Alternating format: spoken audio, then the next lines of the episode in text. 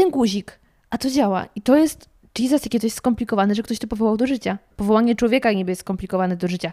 Weź powołaj taką aplikację. Five, four, three, two, one. Podcast radioaktywny. Dzień dobry, dzień dobry. Ja nazywam się Małgosia Zmaczyńska. Ty słuchasz podcastu radioaktywnego, czyli luźnych rozmów na nietypowe tematy. Moi drodzy, ostatnim razem był dość długi wstęp, także dzisiaj już w bardzo dużym skrócie. Chciałam tylko powiedzieć, że dziękuję Wam serdecznie za pozytywny y, odbiór faktu, że podcast powrócił. Cieszę się, że podobają się Wam nowe segmenciki, montaż i trochę taki powiew świeżości. Także dzisiaj mam dla Was jeszcze jedną y, niespodziankę nowy, mały segmencik. Mam nadzieję, że również przypadnie Wam do gustu. I już nie przedłużając, zapraszam Was dzisiaj do rozmowy z Filipem Kokoszyńskim, który zawodowo zajmuje się UX-em oraz UI-em. Jeśli te skróty niewiele Wam mówią, to tym bardziej powinniście posłuchać tego odcinka. Natomiast jeśli są już Wam znane, to mam nadzieję, że dowiecie się mimo wszystko ciekawych zagadnień związanych nie tylko z tą branżą. Bardzo serdecznie zapraszam Was do wysłuchania naszej rozmowy. Dzień dobry, dzień dobry, drogi Filipie. Dzisiaj mamy takie spotkanie z serii Spotkanie z ciekawym człowiekiem. Tak zakładam, tak sobie wymyśliłam, że tak, tak mi pasuje e, ten podcast, bo myślę, że chociaż mam obraną tematykę, którą chciałabym z Tobą poruszyć, bardzo, więc mam nadzieję, że się postarasz przy tym głównym temacie, to chyba będziemy też tak sobie trochę płynąć między tematami, bo kiedy się poznaliśmy do kulisów naszego poznania później dojdziemy, to okazało się, że robiłeś wiele ciekawych rzeczy, a ja lubię poznawać ciekawe historie, e, ścieżki zawodowe ludzi. Myślę, że słuchacze też je lubią, także zacznijmy. Opowiedz mi proszę, jaka była Twoja pierwsza ścieżka kariery, którą obrałeś?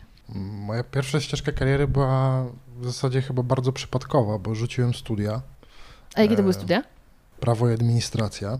Rzuciłem je na drugim roku w zasadzie. I w zasadzie nie miałem też specjalnie pomysłu na to, co dalej robić, oprócz tego, że gdzieś tam mnie ciągnęło zawsze do grafiki, stron internetowych i różnych takich, jak to mówią, informatycznych rzeczy. Rzucając te studia, e, troszeczkę faktycznie nie myślałem o tym, co będzie dalej. Pół roku dobre bimbałem w domu i gdzieś tam robiłem jakieś zlecenia i tak dalej. Miałem wtedy chyba 20 albo 21 lat. Nie pamiętam ile ma się lat, kiedy jest się w drugim roku studiów. E, Ja zaczęłam je bardzo późno, więc to moje, mój drugi rok też by niewiele wniósł. I przypadkowo trafiłem do Agory. Agory w Bydgoszczy, bo pochodzę z Bydgoszczy. Tam zajmowałem się tworzeniem reklam i wkładek promocyjnych, takich kolorowych wkładek, które się do gazety kiedyś wkładało, mm, jakichś konkretnych marek. A do jakich tytułów robiłeś te wkładki? To była gazeta wyborcza, przeważnie regionalna lub, lub czasami, czasami krajowa. To był też czas, kiedy urzędy marszałkowskie czy wojewódzkie miały mnóstwo pieniędzy na jakieś takie e, właśnie wkładki promujące y, wykorzystywanie środków z Unii Europejskiej, różne tego, tego typu rzeczy. To, to też był czas, kiedy, kiedy Gazeta Wyborcza miała swoją wkładkę komunikaty, gdzie było mnóstwo komunikatów przetargowych, ogłoszeń o przetargach i tak dalej. Więc to były takie czasy, gdzie naprawdę dużo, dużo forsy szło na, na tego typu rzeczy. I w Agorze pracowałem dwa albo trzy lata, zajmowałem się takimi rzeczami, więc to nawet nie był internet. Mhm. Ten internet nadal mi jakby towarzyszył gdzieś tam w życiu prywatnym, w, w zleceniach, które, które realizowałem sobie w domu. Natomiast na pewno Agora nauczyła mnie takiego troszeczkę, nie chcę tego wyolbrzymiać, ale takiego pewnego rodzaju takiego kunsztu pracy mm, graficznej. Pewnych zasad, norm, typografii i tego typu rzeczy, m, które poniekąd przydały mi się potem w projektowaniu stron internetowych już tak na poważnie. Wbrew pozorom, projektowanie do druku i projektowanie stron internetowych to jest troszeczkę ten sam kawałek chleba. To gdzieś tam się pokrywa. Ale poczekaj, poczekaj, poczekaj. Powiedziałeś, że zakręciłeś się w Agorze, bo już interesowała Cię grafika. I który to był rok? 2008? W jaki sposób w 2008 roku interesowała Cię grafika? Bo myślę, że mm, teraz pojęcie grafiki jest bardzo szerokie i większość z nas już wie, że to można w ogóle spieniężyć, ale może się mylę. Natomiast tamte czasy to były chyba jeszcze trochę takie czasy, kiedy w Wordzie używało się falującej czcionki, nie? Były takie czasy. Były takie czasy, pamiętamy. E, kurtyna wstydu teraz na nas wszystkich spadła. Więc e, interesowałeś się grafiką na jakiej zasadzie? Lubiłeś sobie w pańcie pomalować? Tak. To były. Jesteś tym czy- człowiekiem, okej. Wracając troszeczkę dalej do, do czasów, kiedy dostałem komputer, w, to był 98 rok. em, to faktycznie moim odkryciem był Paint. Mhm. E, I to było. Ja się sam z tego śmieję, nawet kiedy to wspominam, ale pamiętam taką scenę, e, kiedy siedziałem przy komputerze. Dość dużo siedziałem przy tym komputerze, natomiast to właśnie nie było takie granie na kompie czy cokolwiek takiego, tylko fakty, faktycznie taka eksploracja tego komputera. E, też internetu, bo, bo miałem od razu internet, był cholernie drogi, ale, ale miałem go już wtedy. I pamiętam, że e, kiedyś siedząc przy komputerze wziąłem od taty paczkę papierosów Marlboro czerwonych i obrysowywałem e, tą paczkę w pęcie. Po prostu patrzyłem na nią i rysowałem. E, I potem, potem robiłem inne rzeczy, na przykład obrysowywałem logotypy, patrząc gdzieś tam na nie, rysowałem je sobie w pęcie. W ten sposób gdzieś tam tworzył się pewnie jakiś warsztat. E, Ale, ale ja to mega szanuję, bo e, ja jestem no, mało uzdolniona artystycznie. E, moja ręka zatrzymała się na przedszkolu, nie? Jak mam narysować człowieka, to wiesz, jak wygląda. No domyślasz Wiesz, wiesz co, no dzisiaj ja też bym siebie określił jako troszeczkę upośledzonego artystycznie, pod takim kątem e, rysunku takiego ręcznego. No ręcznego, ale masz wyobraźnię, że sobie coś wymyślasz i potrafisz obraz z głowy przełożyć na Painta. Chociażby, który już chyba nie istnieje. Istnieje jeszcze Paint? Chyba tak, nie wiem, nie używam Windowsa. Ale Bardzo dobrze. No w każdym razie i ja jak byłam dzieckiem i korzystałam z Painta, to ja nawet miałam problem z używaniem podstawowych funkcji. Y, Zupełnie nie potrafiłam tam nic zrobić, co by wyglądało. Natomiast mój brat, on potrafił włączyć tego Painta i na przykład sobie samochody tam rysować. I było takie, jak? I mega zawsze podziwiałam to. I on do dzisiaj, on chyba, Paint chyba jeszcze istnieje, bo on do dzisiaj czasem jakieś małe rzeczy sobie potrafi w tym Paincie zrobić. I dlatego jestem pod wrażeniem. I e, poza tymi e, logotypami, paczką Marlboro bardzo szanuję, e, wychowanie na najwyższym poziomie. To masz jakieś takie dzieła sztuki na swoim koncie, które robiłeś tam? Niestety nie, to, to, to też były czasy Windowsa 95, 98, e, czyli bardzo e, awaryjnych systemów. Nieraz mi się zdarzyło, że, e, że po prostu no, komputer klękł, czyli Windows klękł, e, straciłem jakby wszystkie swoje prace i tak dalej. No to, no to jednak było 20 parę lat temu. Ciężko, żeby to się zachowało. Być może w takiej formie e, tradycyjnej, gdyby to było na kartce papieru rysowane, to człowiek by to gdzieś schował i by, A nie by to przetrwało. A tego niestety nie drukowałem. Nawet chyba wtedy miałem czarno-białą drukarkę, więc, więc to też jakby nie byłoby takiej frajdy z tego. Ale no niestety mi się to nigdzie nie zachowało. Ostatnie prace, jakie gdzieś tam znalazłem w swojej chmurze, to był chyba 2009 czy 2010 rok, więc w sumie daleko, ale to też już były takie, takie wyrywkowe strony internetowe, które gdzieś tam dla kogoś robiłem. Nie chcę na nie patrzeć. Okej, ale czyli już w 2008-2009 robiłeś też strony internetowe? Tak, ja w zasadzie pierwszą stronę internetową swoją zrobiłem w 2000 chyba pierwszym roku. To był czas, kiedy powstawało bardzo dużo portali internetowych. Oprócz oczywiście To była, była ta, ten czas tej y, dot, dotcomów. dotcomów i Tak, tej bańki. E, oprócz tego oczywiście, że, że na rynku już istniało Net czy Wirtualna Polska. Tworzyły się też takie mniejsze jak y, Poland.com był taki, albo Arena.pl i mnóstwo jeszcze innych, które nie miały takich budżetów reklamowych, bo Poland.com i i Arena to jednak były, mm, były portale, które, które miały już jakieś tam solidniejsze finansowanie. Na koniec końców nie wyszły, ale, ale jednak e, gdzieś tam istniały. Mm, e, I e, zgłosił się do mnie pewien człowiek chyba z Krakowa, który właśnie chciał taki portal internetowy zrobić. Ja miał na to dość ciekawy pomysł, bo wpadł na pomysł, że on będzie zbierał po internecie różne serwisy tematyczne. Mm, O grach, o filmie katalog. i po prostu połączy je w jeden portal. Nie będzie tworzył sam tych, tych kontentów e, i tych serwisów tematycznych, tylko zbierze po prostu takich młodych ludzi, którzy gdzieś tam czymś się pasjonują, da im serwer, da im domenę i będzie to markował po prostu jako swój portal. Ja w tym portalu e, rysowałem layouty i czyli jakby wygląd tych wszystkich e, serwisów tematycznych i już wtedy można by to nazwać e, takim, taką unifikacją e, tych wszystkich serwisów troszeczkę się zajmowałem. Mhm. Więc to pamiętam, że, że za jeden projekt chyba jednego serwisu dostawałem wtedy 200 czy 300 zł. Więc no dzisiaj są to śmieszne pieniądze, ale kiedy miałem tam no 14 lat czy 15, całkiem Ale sensowna poczekaj. kasa. Jak się stawiało stronę na początku lat 2000? Bo teraz postawić stronę to jest banał. No, Instalujesz sobie nawet WordPressa i masz stronę, nie? A na czym się wtedy stawiało? Był coś takiego jak e, polski program Pajączek. E, Pajączek naprawdę do czegoś służył, bo Tak, Pajączek ja był takim edytorem. informatyki. tak, Pajączek był takim edytorem HTML. Nie pamiętam, czy on był tylko tekstowym, w sensie, że trzeba było tam pisać jakby komendy HTML-owe, czy, czy też e, był takim mm, edytorem graficznym, czyli można było sobie bloki po prostu jakieś tam Mhm. rysować. Ale był też taki e, dołączany do Microsoft Office program FrontPage chyba, który też był takim już bardziej, e, można by powiedzieć, dla laików, że faktycznie rysowało się w zasadzie, nie wiem, no kwadrat i, i to od razu jakby był element strony internetowej, czy jakieś tam tabelki. Bo to miało taką trochę formułę jak, jak Word.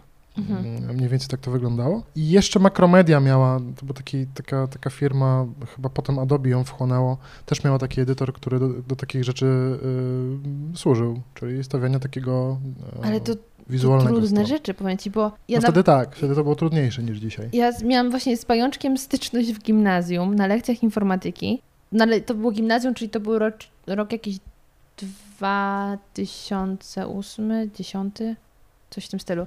Em, I nam w tym pajączku cholernym kazali narysować domek, e, tylko że elewacja tam miała być zielona, a dach żeby czerwony.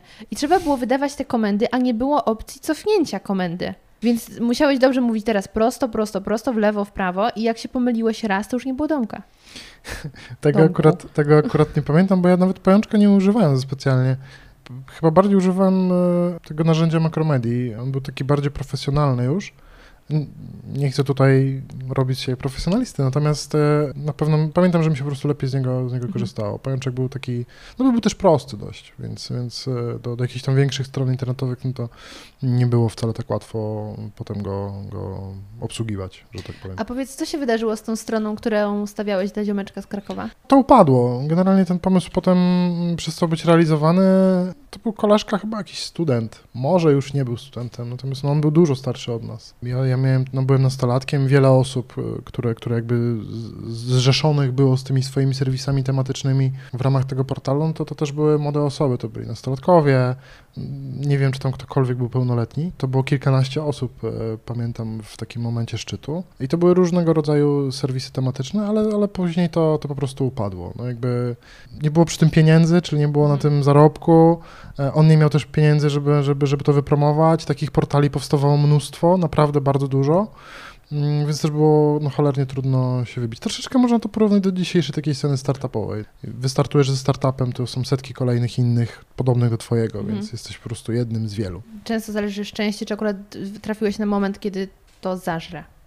Czy za późno, czy za wcześnie.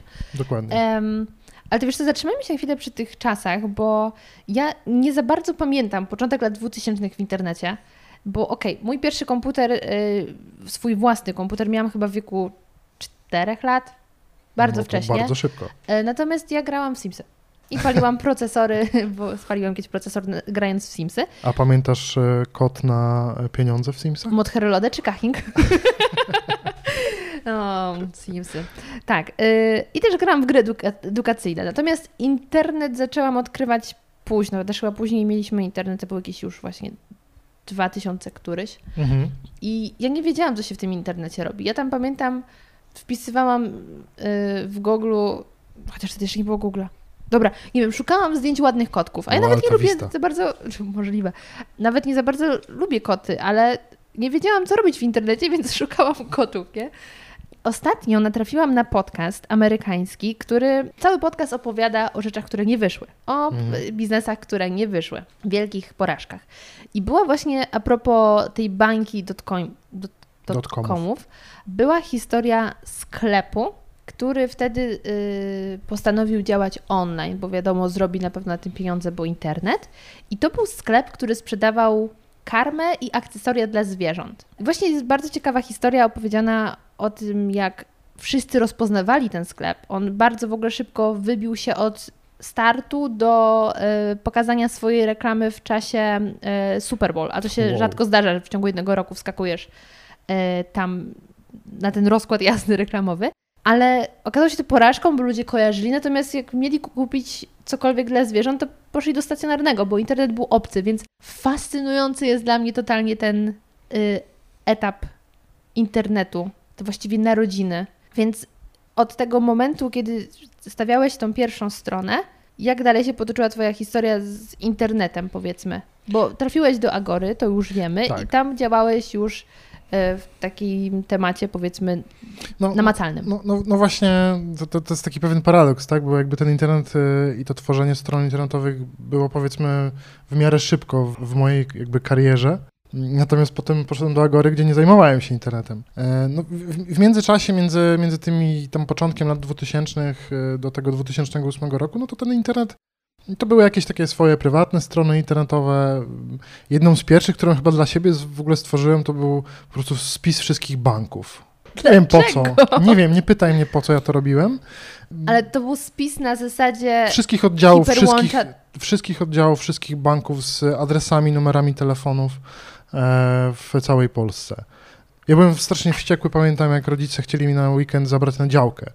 A ja miałem plan, że ja to w sobotę będę sobie robił, całą sobotę i oni mówią, że nie, jedziemy na działkę. Poczekaj, a jak ty znajdowałeś informacje o tych bankach? One jeszcze nie były w internecie, czy już były wszystkie? Czy książka telefoniczna?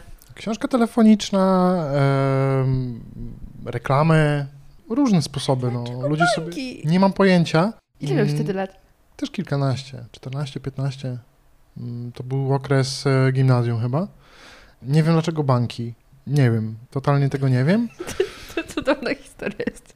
Pamiętam tylko, że y, to na pewno był czas, gdzie już, gdzie już banki się w internecie pojawiały. Oczywiście to, to, to nie mógł być jeszcze dla wszystkich mm, banków czas bankowości internetowej i tak dalej, chociaż to już było chyba w okolicach e, powstawania M-Banku, czyli, czyli kiedy to faktycznie ta bankowość internetowa się wtedy rozwijała. Natomiast pamiętam, że też ciężko było na przykład niektóre logotypy znaleźć w internecie, więc po prostu robiłem zdjęcie reklamy w gazecie i wycinałem to logo i osadzałem. No, mm, Jakie to słodkie! E, Strasznie super. porąbane A, a miałeś e, kiedyś swojego bloga? Nie, no właśnie nigdy nie miałem swojego bloga. Nie wiem dlaczego. Jakoś nigdy mnie chyba nie ciągnęło do tego, żeby gdzieś tam siebie uzewnętrzniać. Też jestem troszeczkę chyba typem introwertyka, znaczy na pewno jestem typem introwertyka, więc nigdy, nigdy mnie do tego nie ciągnęło, więc swojego bloga nigdy nie miałem. Ale powiem Ci, że blogi nie służyły tylko, żeby się uzewnętrzniać, bo e, akurat no, ja miałam parę blogów. Jeden był taki ambitny, nazywał się Słowo Nastolatek, gdzie pisałam różne życiowe porady. Jak na przykład moim odkryciem tamtego czasu, bo to był ten moment, kiedy to się pojawiło na rynku, był pies na kurz. Kojarzysz? Pies na kurz? Tak, to, to Pronto reklamowało. Na takiej zielonej rączce była taka nakładana biała szmatka, powiedzmy, i to ścierało kurze. To było moim odkryciem i napisałam o tym post na bloga. Słowo nastolatek. A druga, druga moja strona, już o niej kiedyś wspominałam w podcaście, nazywała się grafiki myślnik błyszczące myślnik imionka .blogspot.com Później skrót był gbi.xx.com i to te blogi, to, to była kategoria blogów, które służyły temu, że wrzucałeś do internetu, chrzanić prawa autorskie, znalezione glittery, to się tak nazywało? Mhm. Mm, Gify, Mhm. błyszczące imionka. Więc mogłeś też takie rzeczy wrzucać na bloga. To prawda, mm, ale no nie wiem. Nigdy, nigdy w to nie grałem. Wszystko przed tobą. Pewnie tak. Mm, Bierz ten pomysł jak swój. Spoko. Y, Ale dobra, wiesz co, w sumie cofniemy się jeszcze na chwilę do tej gazety, bo jestem ciekawa, czy tam masz jakieś takie smaczki z tamtego etapu, na przykład jakieś em, zagrywki używane, takie nawet quasi psychologiczne w projektowaniu, żeby bardziej przyciągać uwagę i tak dalej? Były jakieś takie triki, których się trzymaliście? Wiesz co? Nic takiego na pierwszy rzut myśli e, do głowy mi nie przychodzi. Em, Natomiast to, co to był w ogóle fajny czas e, pod tym kątem, że widziałem, jak gazeta umiera. Generalnie ogólnie. Bardzo przyjemny czas. Przyjemny, nieprzyjemny. Fascynujący. Taka transformacja po Mhm. prostu to była faktycznie. Natomiast to był, to był faktycznie czas, kiedy, kiedy gazety umierały. I pamiętam, Agora miała trzy studia graficzne e, w całej Polsce, w Tychach, w Bydgoszczy i w Warszawie. Ja pracowałem w tym bydgoskim oddziale i my tam tak naprawdę oprócz nas, czyli tych, tych grafików takich, którzy zajmowali się reklamami, był, byli też tak zwani łamacze, którzy e, no, łamali całe gazety, w sensie te dodatki regionalne, sklejali po prostu strona po stronie. A, nie, że niszczyli, tylko... mhm, To tak się nazywało. Hmm. I mm, w Bydgoszczy mm, tak naprawdę y, powstawały mm, reklamy i dodatki regionalne dla całej północnej Polski. Mhm. e, od e, Poznania w górę przez mm, tak naprawdę do Warszawy. Warszawa miała oczywiście swój, swój dział graficzny, ale wszystko, co było wyżej, czyli Olsztyn, Białystok, e, e, Bydgoszcz, Toruń, Gdańsk i tak dalej, to wszystko powstawało w Bydgoszczy. I pamiętam, kiedy trafiłem do Agory, chyba to był faktycznie ten 2008 rok, to bydgoski dodatek z ogłoszeniami o pracę, Gazeta Praca to się nazywało, ja nie wiem, czy to jeszcze w ogóle jest, pewnie w internecie tylko. Miał wtedy około 40 stron. To był jeden z grubszych, e, które składaliśmy. Oprócz oczywiście gdańskiego i, i poznańskiego. I tak stopniowo, stopniowo, stopniowo tych stron ubywało. E, potem do bydgoskiego dodatku pracy już do, dołożyli nam toruński, więc to był Bydgoszcz Toruń już w jednym. I tych stron coraz mniej, coraz mniej, coraz mniej się robiło. Aż pamiętam, kiedy odchodziłem, no to to było kilkanaście stron a odchodziłem po trzech latach, czyli nie w sumie tak, tak później, to był 2011 czy może 10 rok, e, więc to, to, był taki e, i sama gazeta też w sobie była oczywiście coraz cieńsza, coraz mniej tych reklam tam było i tak dalej, więc faktycznie no to byłem świadkiem takiego trochę umierania prasy i, no i ten nakład też oczywiście siłą rzeczy malał. Mhm. Kurczę, gazety kiedyś odgrywały ogromną rolę, chociażby taki banalny przykład. Kiedy za mojego dzieciństwa chcieliśmy pojechać do kina, to kupowaliśmy nowiny jeleniogórskie, lokalną gazetę, żeby dowiedzieć się, jaki, co grają w kinach. Teraz nie wyobrażam sobie kupić gazety, żeby dowiedzieć się, czy chcę iść do kina, no, czy nie. A pamiętasz, jak się na przykład jechało z rodzicami nad morze, to się kupowało też gazety z ogłoszeniami, żeby wynająć kwaterę. Nie Więc... pamiętam tego, ale prawdopodobnie tak było. Tak, w sensie, to, to... wtedy byłam trochę za mała, żeby pamiętać, ale faktycznie tak było. Znaczy, generalnie w pewnym stopniu za gazetami e, jest taka nie wiem jak to nazwać, e, troszeczkę większy nakład pracy i, i dbanie jakby nie tyle o jakość, co, co, o to, co się wytwarza dla tej gazety, bo, bo to jest naprawdę, to, to był szereg osób, które przy tym pracowały. Redaktor, który tworzył tekst, on nie mógł się pomylić, nie mógł opublikować niesprawdzonych informacji. To musiały być raczej pewne jakieś źródła dla niego. Potem jeszcze była korekta. Potem tak to szło do korekty, więc korekta jeszcze wyłapywała takie raczej błędy stylistyczne czy ortograficzne i tego typu rzeczy. I, i, i to było drukowane w nocy, czy, czy tam następnego dnia. Więc jakby to był bardzo długi proces w ogóle powstawania tej gazety i nie było tam momentu na pomyłkę. To musiało być dobrze zweryfikowane, żeby nikt się nie pomylił, żeby, żeby w następnego dnia ta gazeta e, no, nie była z jakimś fakapem. Dzisiaj, kiedy redaktor tworzy treści, absolutnie nie umniejszając ich roli, Natomiast kiedy tworzy treści do internetu, no to nawet jak się pomyli, to on zaraz to może poprawić, tak. skorygować. Ta czujność taka wszystkich dookoła no, musiała być dużo większa. Um, oczywiście u nas, kiedy my tworzyliśmy reklamę, też się zdarzały no, wpadki z, z, z, reklamami, kiedy, kiedy... Złe ceny podaliście? Złe ceny podaliśmy, albo kiedy, nie wiem, złe logo zaciągnęliśmy, kiedy pojawił się jakiś e, tekst, którego korekta nie wyłapała, typu w programie graficznym, wiesz, jak się ramkę tekstową na przykład tworzy, to tam jest wpisz tekst na przykład mhm. się pojawia. No i czasami ktoś tam sobie to przesunął, zapomniał usunąć, korekta tego nie wyłapała i to poszło do druku.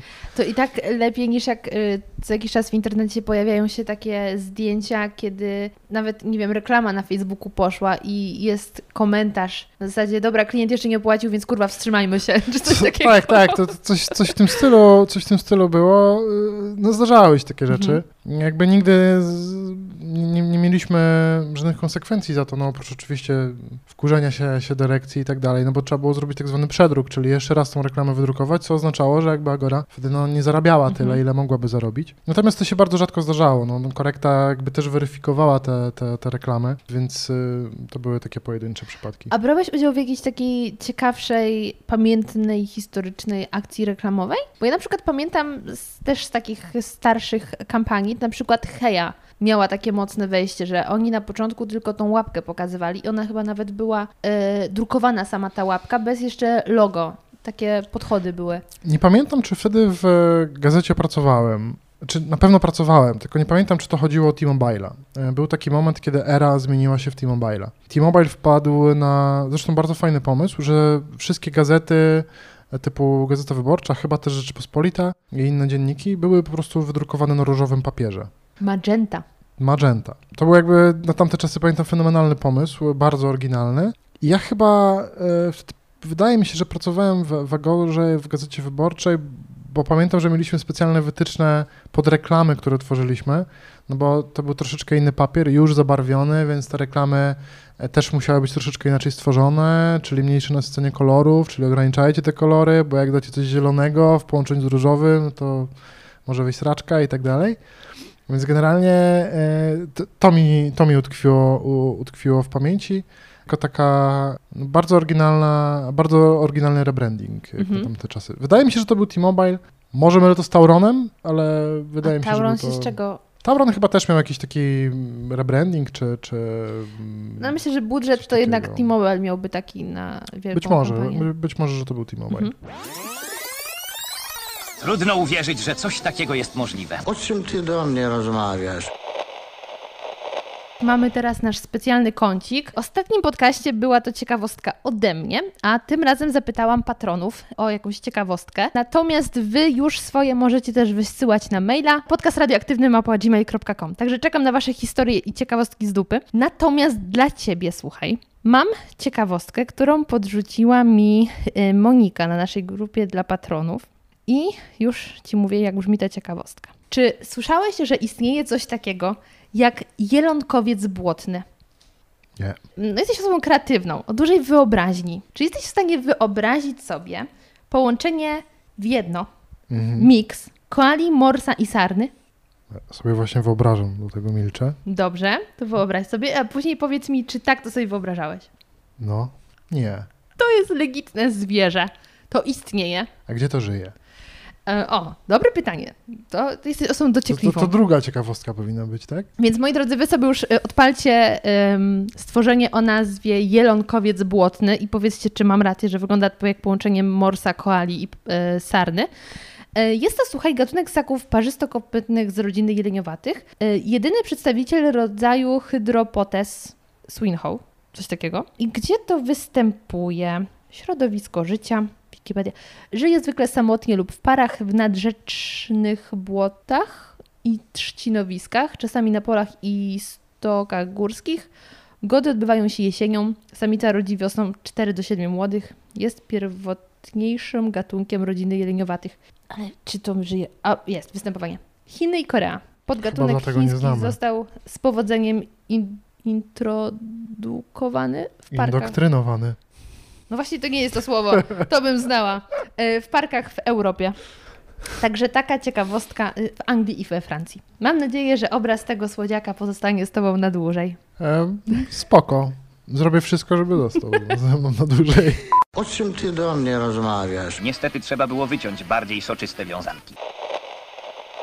No dobra, no to już y, zatrzymaliśmy się na chwilę w Agorze, idźmy dalej. Czy wtedy już zacząłeś, wróciłeś do korzeni projektowania stron? Tak, wtedy miałem tak zwane fuchy, czyli e, kiedy, kiedy pracowałem w Agorze, to, to też w domu robiłem po prostu zlecenia.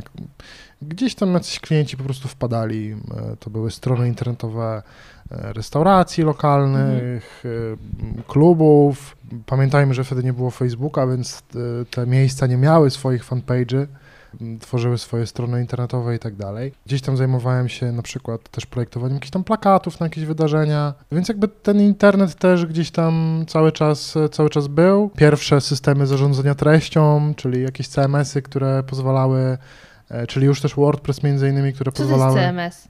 W sensie... Z, z, Content Management, Management System, czyli takie narzędzie, które, no, czym jest WordPress dzisiaj? A. Czyli narzędziem, którym możesz edytować treści na swojej stronie internetowej. Kiedyś, jak się tworzyło stronę internetową, to ten tekst, który ty mi dostarczyłaś jako ta zamawiająca stronę Mhm. internetową, był na stałe osadzony gdzieś tam w kodzie. Więc nie mogłaś sobie tego nigdzie zmienić. Musiałeś do mnie zadzwonić, napisać maila, hej Filip, zmień mi tutaj kropkę i tak dalej. A ty kasujesz? A proszę cię bardzo, ale Tak, tutaj... no i to, to też kosztowało Mhm. oczywiście. E, natomiast kiedy już pojawiły się CMS-y, no to y, jakby klient już potem mógł sam to, sam to robić. No i, i, i ty, ale też ta wartość strony oczywiście była, była większa, no bo to też wymagało większego nakładu Mhm. pracy od tej osoby, która tworzyła tą stronę internetową. To był też taki czas, gdzie już te CMS-y się u mnie pojawiały. Okej, i w, tamtym momencie jak określałeś to, czym się zajmujesz? Web designer. Web designer. Nie było nikogo takiego jak UX designer czy UI designer. No Po właśnie. prostu web designer. A teraz już byś się określił literkami UXD. E, tak, Natomiast e, ja to tak nazywam troszeczkę UXI. To Upsi. UXI, bo U, UX y, i trochę UI, czyli User Experience i User y, Interface, więc Mhm. jakby troszeczkę jestem mm, na tych, Na rozdrożu. na rozdrożu, tak, więc Okej. jestem UXI. No to teraz y, załóżmy, że osoby, które nas słuchają, nie mają pojęcia, o czym właśnie mówisz. I myślę, że to nie jest błędne założenie. Wiele osób nie ma pojęcia. Ja o pojęciu UX Mhm. dowiedziałam się w roku 2019-18 i stwierdzi- stwierdziłam, wow, damn, faktycznie ktoś musi zaprojektować, żeby to było wygodne w użytkowaniu. Tak. E, A wcześniej to wydawało mi się tak oczywiste, że po prostu jest. No więc teraz proszę powiedz tak, w takim razie, czym to jest i jaka jest różnica między jednym a drugim, czyli X-em a interfejs. W zasadzie UX to jest. e, UI wywodzi się tak naprawdę z, mm, z tego web designu, czyli to jest taka stricte estetyczna warstwa tak, tej strony internetowej czy całego interfejsu jakiejś aplikacji. Mm, Kiedyś no, projektowało się tylko strony internetowe, dziś się projektuje aplikacje mobilne, serwisy transakcyjne banków, e, strony internetowe, portale itd. itd. Mm, Więc UI ma, wywodzi się w zasadzie z, z tego web designu. UX to jest, e, no, już raczej nie w miarę takie świeże określenie, też już kilka lat istnieje, natomiast y, to jest takie, jak sama nazwa mówi, user experience, czyli doświadczenia użytkownika, czyli projektowanie tak tego interfejsu w taki sposób, żeby to było przyjazne i pozytywne dla użytkownika, żeby on się nie pogubił. E, Czyli mówiąc lakonicznie, to jest po prostu pewne takie odpowiednie rozmieszczenie elementów na stronie, żeby to było intuicyjne dla użytkownika, zaplanowanie pewnych procesów na stronie, jak nie wiem, e, składanie zamówienia w sklepie internetowym w taki sposób, żeby on się nie pogubił i żeby no, w miarę usatysfakcjonowany i bez większych problemów przez ten cały proces po prostu przeszedł. Czyli zakładam, że Zara nie zainwestowała w taką osobę, bo ich sklep to jest ból. Wiesz co, no, wydaje mi się, że jednak zainwestowali. e, Tylko źle. Ty, tylko być może źle.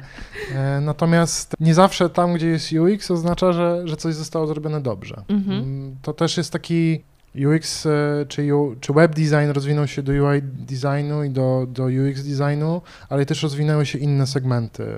W sensie tam, gdzie zawsze jest UX, tam troszeczkę też występuje biznes, czyli te potrzeby biznesowe. Czyli to jest taka troszeczkę walka mm, UX-ów, czyli UX designerów, którzy de facto w firmach są troszeczkę po stronie użytkownika, z biznesem, czyli tymi, którzy odpowiadają za sprzedaż i monetyzację jakby produktu, no żeby zarobić swoje. Mhm. Więc to są takie troszeczkę konflikty dwóch interesów, które gdzieś tam w firmach zawsze w tle się e, dzieją. E, No i pytanie zawsze ostatecznie, kto ten konflikt, czy konflikt, to starcie wygra, tak, wewnątrz tej, tej firmy, czy, czy biznes, czy, czy jednak UX. Tutaj mógł Mhm. wygrać biznes.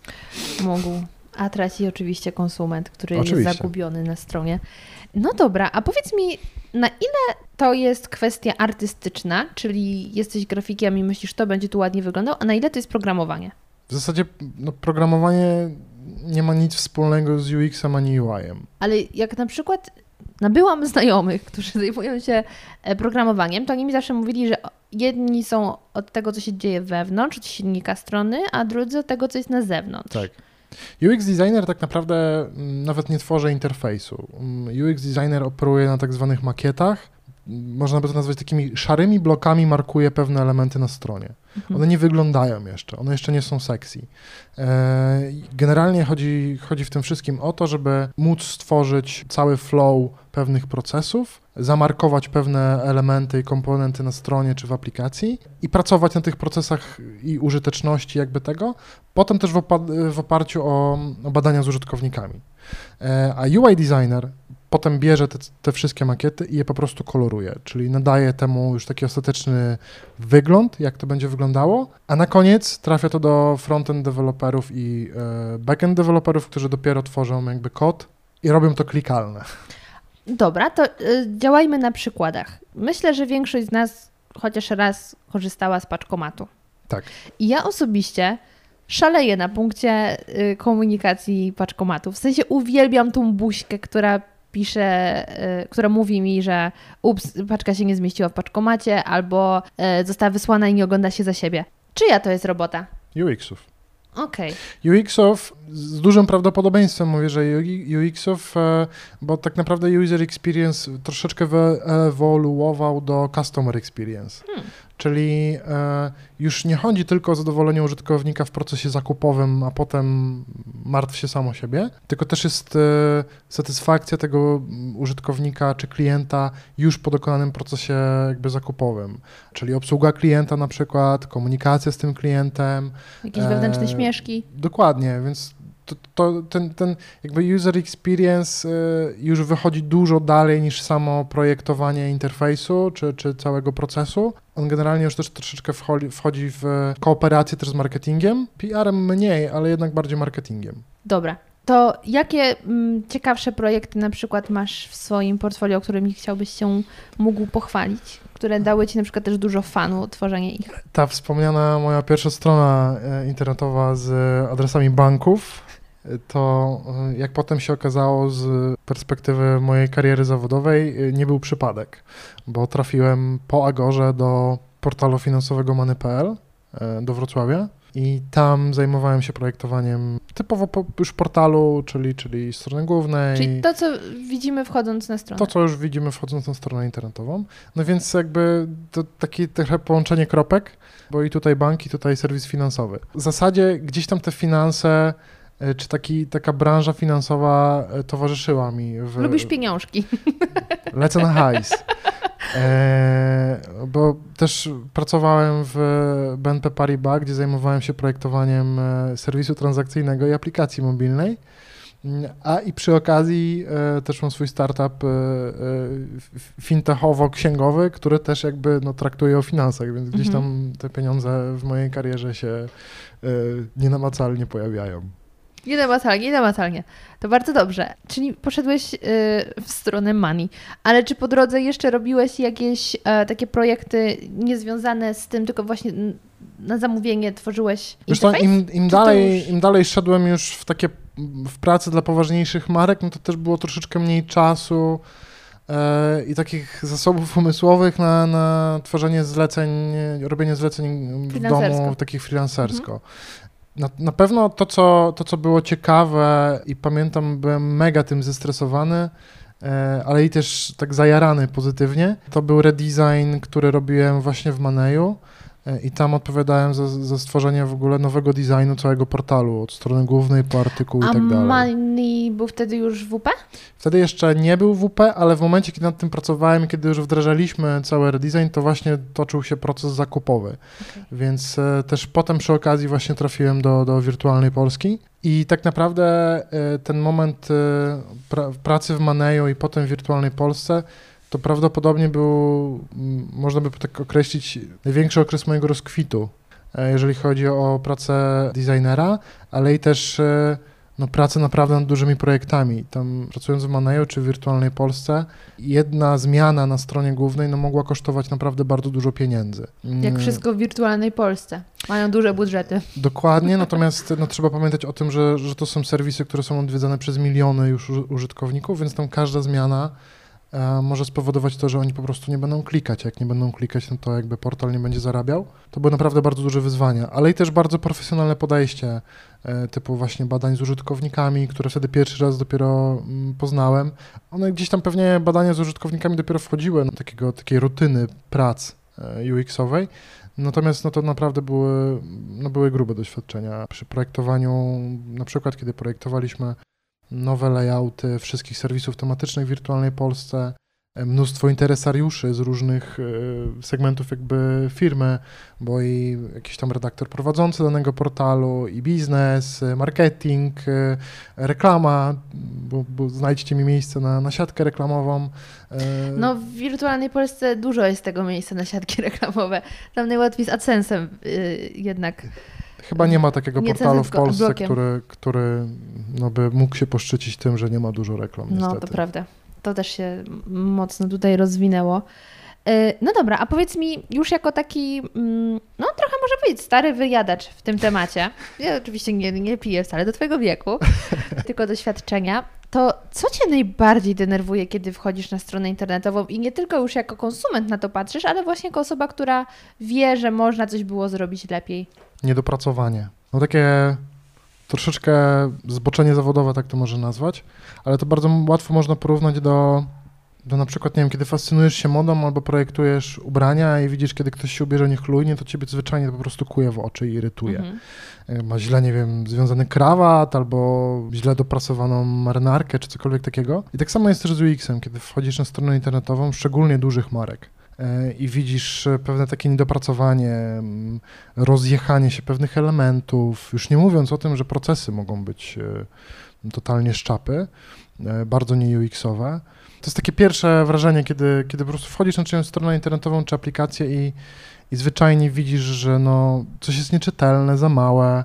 Bardzo często zapomina się o tym, kiedy projektuje się stronę pod urządzenia mobilne, no to troszeczkę inaczej korzysta się z, ze smartfona, inaczej się czyta, więc wypada trochę ten tekst dać większy, często się o tym zapomina, więc ty musisz tam rozje, sobie rozsuwać tą multitouchem, żeby, żeby, żeby to zobaczyć. Więc generalnie wydaje mi się, że, że to jest pierwsza taka rzecz, która przychodzi mi na głowę i która najbardziej mnie irytuje w innych stronach internetowych. Powiem tak, jeśli chodzi o duże marki, to faktycznie myślę, że oni mają budżety i ludzi, którzy mogliby to dopracować. Natomiast y, ja jako taki żuczek, który stawiał swoje strony w WordPressie sam, to wiem, że to jest strasznie upierdliwe, że masz ślicznie wyglądającą stronę na komputerze, a potem wchodzisz przez telefon i jest takie bitch please. to jest dramat. Tylko, Tak. że często korzystasz z y, szablonów, które nie pozwalają ci manipulować tymi ustawieniami. No to jest też mm, troszeczkę wynika właśnie z tego, że z jednej strony obecne narzędzia typu WordPress, czy już nawet idąc dalej, e, jakieś narzędzia typu no-code, że, że możesz sobie samemu faktycznie wszystko, wszystko złożyć nie mając żadnych podstaw jakby kodowania, postawić sobie stronę internetową łącznie z koszykiem zakupowym, obsługą płatności i tak dalej. To są pewne y, oczywiście udogodnienia dla osób, które, które potrzebują takiego produktu jak strona internetowa czy aplikacja, ale też i pewne ograniczenie, jeżeli chodzi o taką kustomizację e, tego, tego layoutu, czy procesu, czy, czy właśnie e, wersji mobilnej. No i z reguły, jeżeli nie jest e, się wybredny, no to się to akceptuje. Mówię tutaj o, o osobie, która, która tworzy sobie taką na własne potrzeby, taką stronę internetową czy aplikację. A jeżeli kuje ci to w oczy i ci to przeszkadza, no to wtedy właśnie idziesz do, do kogoś, kto się tym zajmuje profesjonalnie i wtedy tobie to prostuje lub rysuje, lub rysuje od nowa. Randomowy blok reklamowy. Ci z Państwa, którzy wezmą udział w programie powszechnej prywatyzacji i odbiorą swoje świadectwo udziałowe, staną się współwłaścicielami ponad 500 polskich przedsiębiorstw. Odbierz swoje świadectwo udziałowe. Nie przegap szansy. Program powszechnej prywatyzacji. Witam Was bardzo serdecznie w kolejnych Zmatshotach, czyli cyklu w ramach podcastu Smacznego. Co w trawie, jeśli weźmiemy pod uwagę kuchnię wegetariańską, to co w trawie piszczy? Polska nie kojarzy mi się z jakąś taką kulturą, historią jedzenia lodów. Jakubie, zrób mi loda. Rozkaz, wasza śniegowość. Blog zabierał lokowanie podcastu Smacznego oraz randomowej reklamy z przeszłości. Wspomniałam już o paczkomacie, którego bardzo lubię, komunikację i design. E, I też aplikacja jest super wygodna.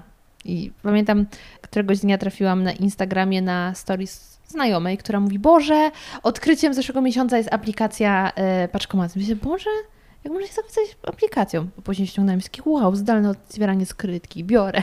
Czy ty masz jakieś takie przykłady aplikacji, stron, które po prostu cię jarają, jak są dobrze zaprojektowane? Wiesz co, swojego czasu Revolut był taką aplikacją, która bardzo odstawała od y, innych aplikacji finansowych czy bankowych. W sensie tym pozytywnym. To było takie troszeczkę przełamanie pewnego konwenansu. Jak bank, to musi być mnóstwo opcji, masz mnóstwo przelewów i tak dalej, tak dalej. Bardzo łatwo jest się generalnie w tym po, pogubić. I mało było na dobrą sprawę takich aplikacji, które byłyby bardzo sexy, takie, że ach, zaloguję się do banku, bo tak lubię tę aplikację, zobaczę, co tam się dzieje.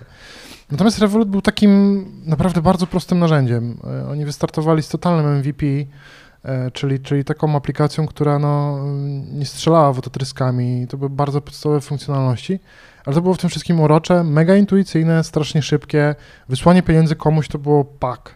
Trzy sekundy i, i to było gotowe.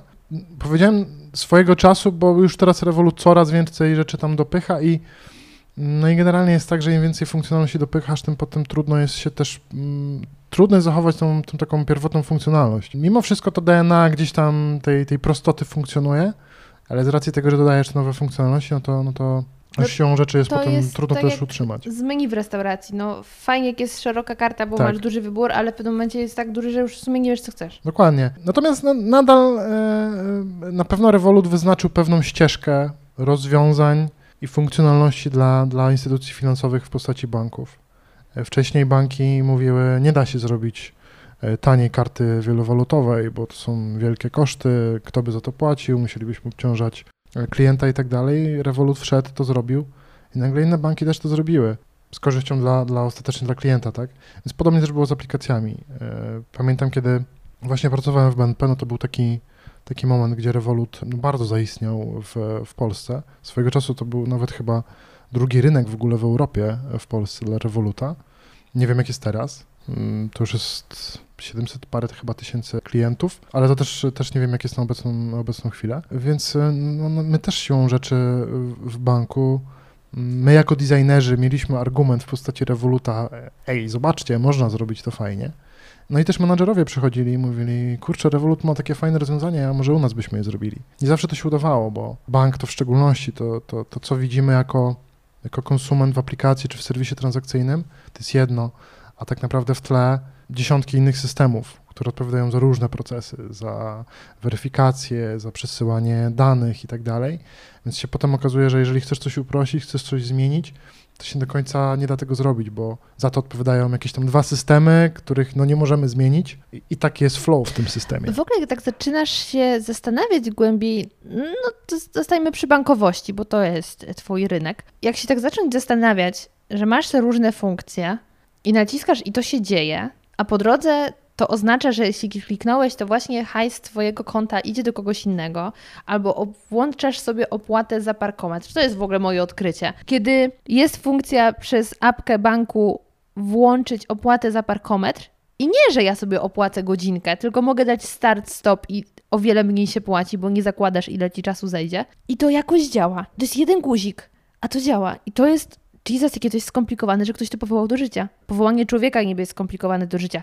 Weź powołaj taką aplikację To- z tymi To mechanizmami. jest, to jest tak naprawdę bardzo skomplikowane, jeżeli chodzi o ten backend tak zwany. Mm, To jest naprawdę dużo, może niekoniecznie dużo systemów zawsze, ale dużo zmiennych, które gdzieś tam po drodze się dzieją i, i coś, co nam z pozoru właśnie wydaje się proste i trwa 3 sekundy, Tak. to za tym mm, kryją się naprawdę, mogą się kryć e, skomplikowane procesy. Powiedz mi, w, jakim, w tej sytuacji, kto, dajmy na to są tutaj osoby, które nas słuchają, bo byłoby miło, gdyby ktoś nas słuchał, i one na przykład stwierdzają, fajne jest to, co robisz. Ciekawy temat, może bym się tym zainteresował. Jakie tutaj trzeba mieć umiejętności? Czy trzeba mieć wyobraźnię przestrzenną, żeby się tym zajmować? Czy trzeba być grafikiem i mieć, e, nie wiem, robić ładny rysunek, jak zdajesz na jakąś politechnikę?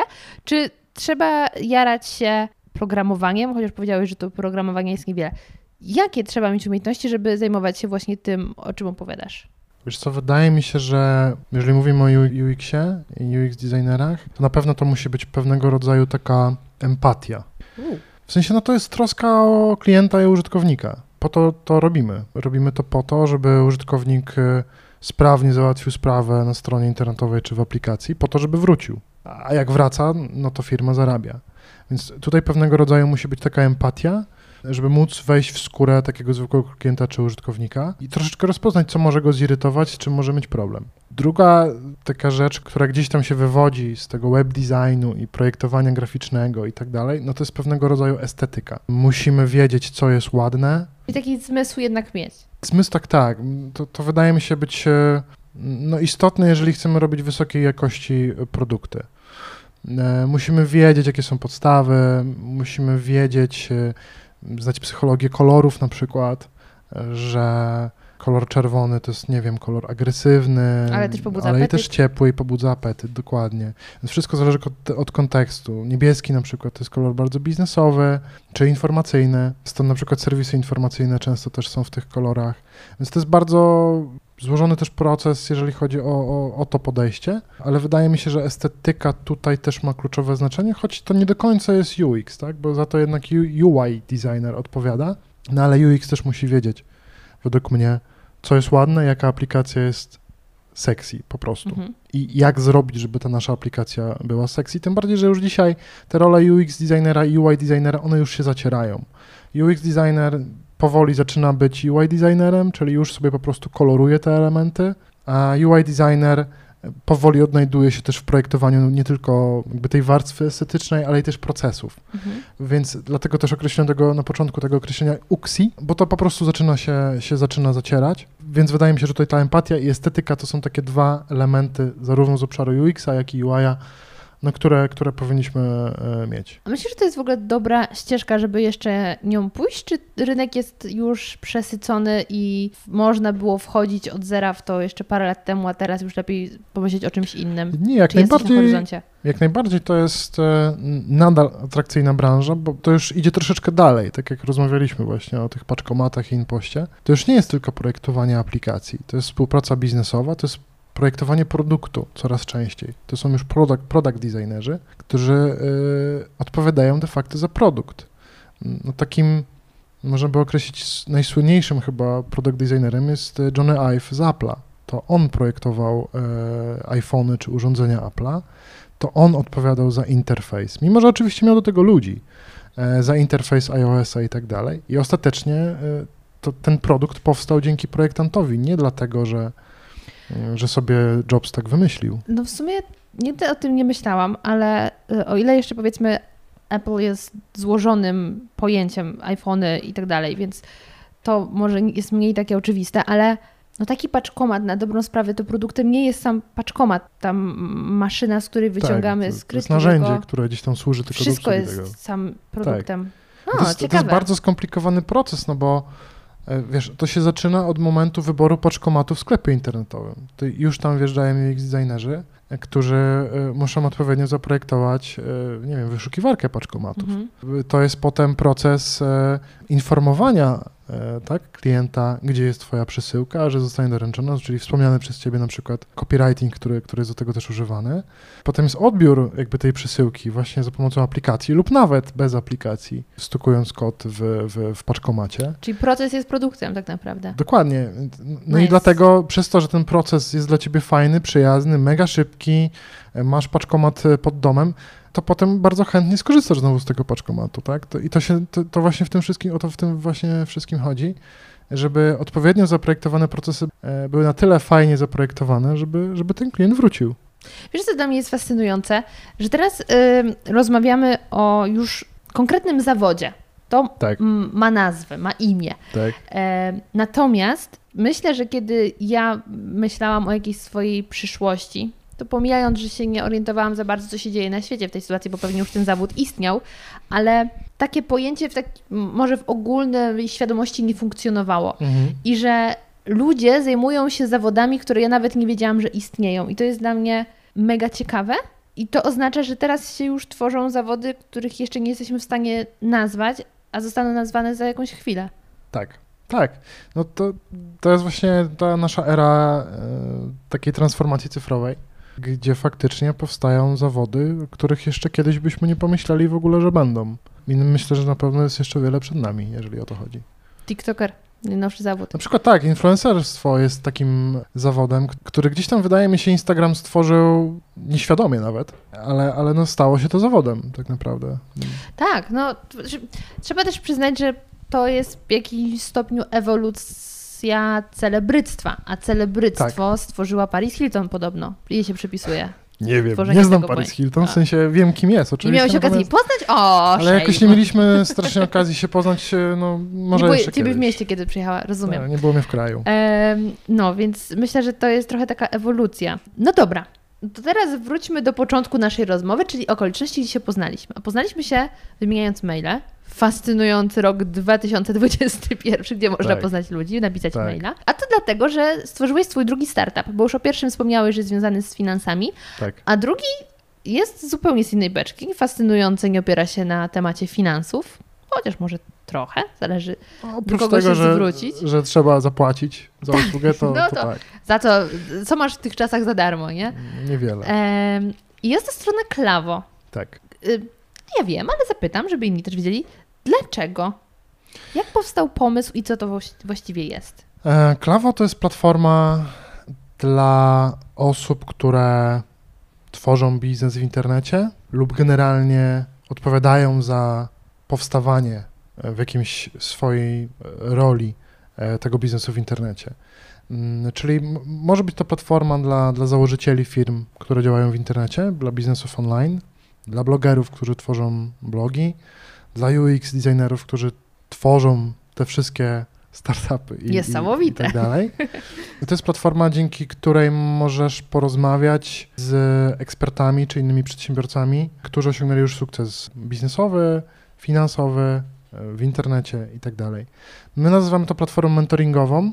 Troszeczkę boję się też tej nazwy, bo często mentoring jest mylony z coachingiem, a to nie jest to samo. Mentoring to jest takie po prostu wsparcie i tworzenie pewnych kroków milowych przy pomocy osoby bardziej doświadczonej. Też mi słowo mentor kojarzy się z merytoryką. Tak, no to jest troszeczkę wykorzystywanie jego merytoryki, przede wszystkim też praktyki. I dlatego Klawo, y, z racji tego, że prowadzę swój inny startup, y, Taxli, prowadzę go ze swoim wspólnikiem, który co prawda no jest moim wspólnikiem, ale jest księgowym, więc, więc oboje jakby byliśmy mm, początkującymi biznesmenami w Taxli, kiedy je zakładaliśmy w 2017-2018 roku. Pomysł na Klawo narodził się wtedy, kiedy zauważyłem, że Taxli rośnie, a moje kompetencje niezbyt. W sensie, że produkt się przyjmuje, zarabia, rozwija, a ja nie do końca wiem, co dalej z tym zrobić. Jakie decyzje podjąć, kogo zatrudnić, gdzie szukać tych nowych klientów. Czy to przypadkiem nie jest czasami też taka pułapka, że łapiesz tych, tą wielką ilość klientów, którzy do ciebie napływają, potem nie masz jak ich obsłużyć. Więc jakby no, napra- naprawdę tworzy, rodziło się mnóstwo pytań o takie prowadzenie biznesu i ja miałem kilku takich swoich prywatnych, powiedzmy, mentorów, tak trochę w cudzysłowie, bo, bo nigdy do takiej relacji jakby tej też nie nazwaliśmy, że są moimi mentorami, natomiast się wspierałem zawsze osobami bardziej doświadczonymi, które, które gdzieś tam spotkałem na swojej ścieżce zawodowej. I stwierdziłem, że byłoby chyba fajnie stworzyć takie narzędzie dla innych, które by było takim troszeczkę networkingiem 2.0, bo porozmawiać sobie z, nie wiem, z Michałem Sadowskim na przykład z Brand24, to nie zawsze jest prosta sprawa, a jego wiedza naprawdę może być cenna. Można by to oczywiście zrobić gdzieś tam w kuluarach, na jakimś afterparty, po jakiejś konferencji i tak ale dalej. też trzeba już na tej konferencji być. Trzeba być na tej konferencji, które często kosztują no przynajmniej kilkaset złotych. Albo E, są już dość takie, wydaje mi się, hermetyczne i możesz się po prostu nie dostać na nią. Tak, no to, to, to się zgadza, że, że no, do, w ogóle też podejść do kogoś i zagadać, to nie jest... Niezręcznie. e, To nie jest tak zręcznie faktycznie. Natomiast tutaj masz taką możliwość. Konsultacje są godzinne, możesz sobie wykupić jedną godzinę, możesz sobie wykupić cztery godziny e, w, pakiecie i możesz po prostu pogadać o swoim biznesie. Jakikolwiek by on był, faktem jest, że fokusujemy się na biznes internetowy związany z e, wszelkiego rodzaju, nawet monetyzacją, nie wiem, Instagrama, tak? E, To też jest swojego rodzaju już biznes. Mm, Więc masz do wyboru no, kilkadziesiąt, y, prawie że sto osób, które, e, które mogą cię w takim, w takim Co mentorowaniu. ty wesprzeć. mówisz? Aż tyle jest? No, wystartowaliśmy tydzień temu, Czyli nie sugerujcie się tą datą, Tak. bo podcast pójdzie trochę później, ale... yy, końcówka maja. Końcówka maja. Końcówka maja. Wcześniej robiliśmy taki rekonesans, jeżeli chodzi o pozyskiwanie właśnie tych mentorów, więc zgłosiło się do nas, czy my, my znaleźliśmy i przekonaliśmy do siebie, plus zgłosiło się do nas około 100 osób, 102 z tego co pamiętam dokładnie. Natomiast na ten moment to tam zarejestrowanych już oficjalnie jakby na, na klawo jest e, 60 paru, więc też czekamy aż po prostu założą swoje, mentorzy swoje profile i będą dostępni dla, dla wszystkich. Super. Ja powiedziałam, że poznaliśmy się w mailach, ale to jak ja trafiłam na klawo też jest śmieszne, bo zaczęłam Was obserwować na Instagramie, bo rzucaliście ciekawostki o biznesie, czyli właściwie mój konik. Sama to w zeszłym roku robiłam y, jako wideo na Hikesha, podobną tematykę. Dosłownie w dniu, kiedy ogłosiliście, że ruszacie z taką platformą mentoringową, to ja byłam w momencie trawienia, wylęgiwania się pomysłu, w jaki sposób trafić do ludzi, którzy chcą się dowiedzieć czegoś o podcastach. Bo zrobiłam e, sondę, ankietę na Instagramie właśnie a propos podcastów i ile osób w ogóle myśli o podcastach. Nie, że robiłam już rozeznanie, czy jest e, popyt, tylko z ciekawości. I wyszło, że sporo takich osób jest, ale nie robi tego ze względu na to, że e, merytorycznie czegoś im brakuje albo nie są pewni i po prostu mają wątpliwości, czy to do sprzętu, czy to do czegoś. I stwierdziłam, kurczę, fajnie byłoby jakoś pomóc i mm, osoby powiedzmy z branży, z tego internetowego świadka już nieraz mi mówiły, weź napisz e-booka, wszyscy teraz robią e-booki, to ty napisz o podcastach, ale nie chce mi się. Nie chce mi się robić tego w formie mm, e-booka, bo nie wydaje mi się, że to by było najlepsze medium do przekazania wiedzy o tym, jak mówić do ludzi. W sensie ja sama bym nie przeczytała e-booka o tym, jak robić podcasty. Nie, za, nie zapłaciłabym za to. Wiesz co, no wydaje mi się, że wiele osób łapie się na tym, że kiedy kupuje jakiegoś e-booka, to rzadko chyba go przeczyta od deski do deski. No, Mm, Jednak y, to jest podobnie jak kiedyś kupowało się mm, jakiś magazyn, czasopismo. No, no, mało kto przeczytał je od pierwszej do ostatniej strony. Z książkami jeszcze jednak chyba jest inaczej. Książki kupujesz po to, żeby faktycznie całą wiedzę z tej książki pochłonąć, natomiast z e-bookami traktujemy to jak coś szybkiego i też pozwalamy sobie na to, żeby to nie do końca przeczytać. ja jestem fanką e-booku, y, e-booków, które są na przykład jadłospisami. Mhm. Dietetyczne super, ale merytorycznych nie czytałabym. Z drugiej strony też są, wiem, kursy podcastowe. Nie bardzo widziałabym siebie na takim kursie. Ja zresztą, kiedy ruszałam z moim podcastem, to jakieś pierwsze kursy już się pojawiały. Mm, nie dla mnie. Ja też nie lubię formy w ogóle kursów. I stwierdziłam, najfajniej byłoby dawać korepetycje. Ktoś ma pytanie, ja mu odpowiadam na Tak, pytania. to, to jest taka forma korepetycji faktycznie, natomiast e, dla nas, dla mnie jako pomysłodawcy e, kluczowe w zasadzie też było to, żeby to było indywidualne podejście do konkretnego Ale dokładnie. problemu. Ja też takiej formy szukałam, myśląc, że coś zrobiłabym swojego. Ponieważ ja w mojej wizytówce zapisz, zawsze piszę, że moją supermocą jest mówienie, bo faktycznie najlepiej mi się przekazuje informacje tą drogą, niepisaną. I stwierdziłam, będę dawać korepetycje. Tylko znowu, formalności, wznowienie działalności, coś tam, coś tam. I wtedy trafiam na Was. Myślę, no kurde, to się nie dzieje. No i tak trafiłam na klawo, więc po pierwsze, informacja jest taka, że jeśli potrzebujecie jakiegoś wsparcia merytorycznego w kwestii podcastów, to jestem. Znajdziecie mnie na klawo, ale nie nagrywamy tego podcastu, żeby stricte zrobić reklamę y, klawo, chociaż fajnie wspomnieć, że jest już miejsce, gdzie możecie szukać potrzebnych y, Wam ekspertów, być może z Waszej branży.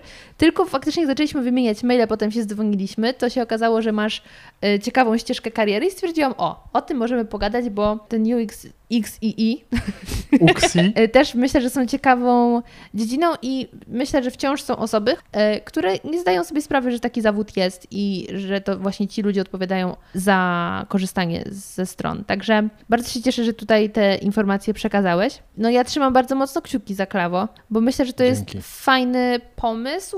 Myślę, że wiele osób y, odnajdzie tam informacje, których szuka, czyli właśnie w bezpośredniej rozmowie, bo nawet się do kogoś się wyśle maila z zapytaniem, to moim zdaniem to nie jest to samo, co jest rozmowa jeden na jeden. Tak, no i też musisz Dopytać mieć jeszcze ten fart, żeby ktoś ci na tego maila odpisał. E, Możesz wysłać e, wiadomość na LinkedInie, na Facebooku do kogoś i tak dalej, ale no, szansa, że ktoś ci odpisze, szczególnie jeżeli to jest ktoś znany, mm, no, jest bardzo mała. To prawda. Także y, perspektywy są takie, że będziecie tylko rozkwitać i będzie coraz lepiej. Hope so. Hope so. I jak wrażenia? Mam nadzieję, że spędziliście z nami przyjemnie czas i dowiedzieliście się nowych, ciekawych rzeczy.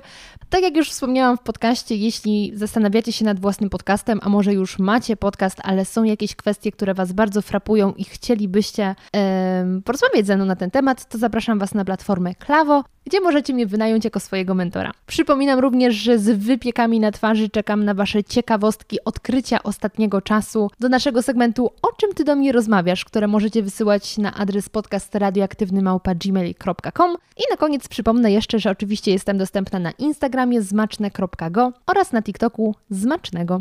Także to już wszystko w dzisiejszym odcinku. Bardzo Wam dziękuję i do usłyszenia już niedługo.